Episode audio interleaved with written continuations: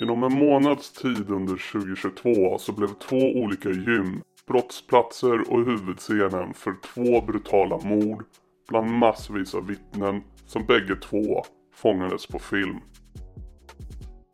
I båda fallen går en ensam maskerad ung man beväpnad med pistol in på ett gym i Stockholm och ett gym i Göteborg och skjuter ihjäl personer bland allmänheten. Ena fallet handlar om hämnd och det andra fallet ett beställningsmord där den egentliga måltavlan kommer undan när hans vän försöker hjälpa till och brotta ner gärningsmannen.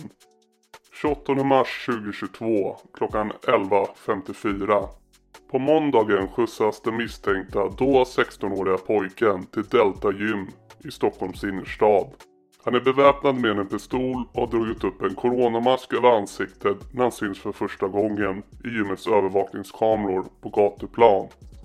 Han kliver in på gymmet och riktar pistolen mot receptionisten medan han går mot trapporna ner till anläggningen för att hitta och skjuta ihjäl en medlem från mc-gänget Bandidos.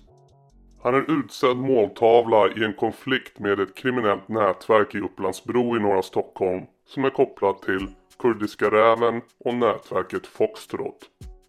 När Bandidosmannen lägger upp en bild från gymmet på Instagram sätts en mordplan i verket enligt polisutredningen. Skytten springer ner för trapporna och inom kort avlossas tre skott på anläggningen. Och kaos utbryter när alla anställda och gymbesökare börjar fly anläggningen.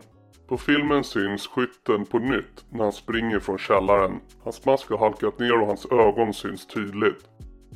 Här under en kyl med energidryck och skytten tar först fel väg ut från gymmet och fastnar vid en hissdörr. Han tar ett varv runt receptionen och på övervakningsfilmen hörs han fråga Hur kommer man ut? Hur kommer man ut?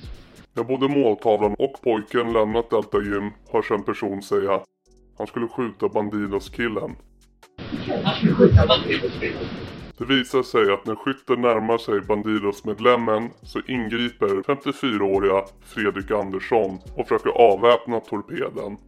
I tumultet så avlossas tre skott och Fredrik träffas med ett skott i huvudet. Han avlider i dagarna efter av sina skador på sjukhus. Fredrik har räddat Bandidos-medlemmens liv med sitt ingripande och man kan se honom fly anläggningen strax efter att skotten avlossats, springande upp för trappan och sedan ut från gymmet med skytten hack i häl. Två veckor efter mordet greps en nu 19-årig man som misstänkt för mordet. Han var tidigare åtalad för en liknande skjutning 2020 när en maskerad man gick in på en frisersalong i Borås och sköt mot den tilltänkta måltavlan men istället träffades endast frisören i benet. Efter tingsrätten fällde honom så friades han av hovrätten och 19-åringen har suttit häktad sedan april 2022. Först som misstänkt för mord men blev sedan häktad och nu åtalad för medhjälp till mord. Redan i april riktades misstankar även mot en 16-åring men han hade flytt till Armenien där han även är medborgare. Efter tre månader utomlands kommer han tillbaka till Sverige och då grips han. 16-åringen har nu åtalats för mord alternativt vållande till annans död, grovt brott, försök till mord, grovt vapenbrott och allmänfarlig ödeläggelse, grovt brott. Tre andra män, en 30-åring, 32-åring och 19-åringen från Borås åtalas för medhjälp till försök till mord och medhjälp till mord. Pojken har tidigare fällts för misshandel. Själv menar han att det handlade om självförsvar och att offret hade hotat med att skjuta honom. På övervakningsbilder från misshandeln kunde dock polisen konstatera att 16-åringen utdelat ett tiotal slag mot offrets ansikte. Straffet blev ungdomstjänst. Bland annat för att åklagaren ska slå fast att det pojken på övervakningsbilderna vid mordet finns också en selfie som pojken tog dagarna efter mordet med samma typ av coronamask med som bevis. Rösten som hörs på övervakningsfilmen kommer också användas som bevis samt inköpta kläder som matchar mördarens. Även en handske och munskydd som användes vid mordet hittades slängda i närheten av brottsplatsen och bägge har DNA-spår som matchar 16-åringen. 28 april 2022 klockan 17.46 En 25-årig man tar sig in i entrén klockan 17.46 på Nordic Wellness i Tuve i Göteborg. Drygt en halvtimme senare vid 20 över 6 tar sig den 20-åriga mördaren sig in maskerad och iklädd i svarta kläder med en luva över huvudet. Skytten går med bestämda steg in i gymmet och passerar flera besökare på sin väg mot offret. Inför förvånade gymbesökare går han igenom gymmet och mot offret. När han närmar sig offret slår han i gymutrustningen med benet och ramlar nästan, men fortsätter framåt och avlossar ett skott som går rakt in i sidan av huvudet på offret. Bilderna visar även hur en man som ligger på en träningsbänk bredvid och under offret är nära att hamna i skottlinjen. Därefter utbryter panik på gymmet och besökarna flyr i olika riktningar. Skytten ses springa ut från gymmet tillsammans med de andra besökarna. Skytten greps två timmar efter mordet i en villa i närheten. Han hade då enligt utredningen slängt in kläder i en tvättmaskin och kläderna var av exakt samma typ som gärningsmannen bar vid mordet.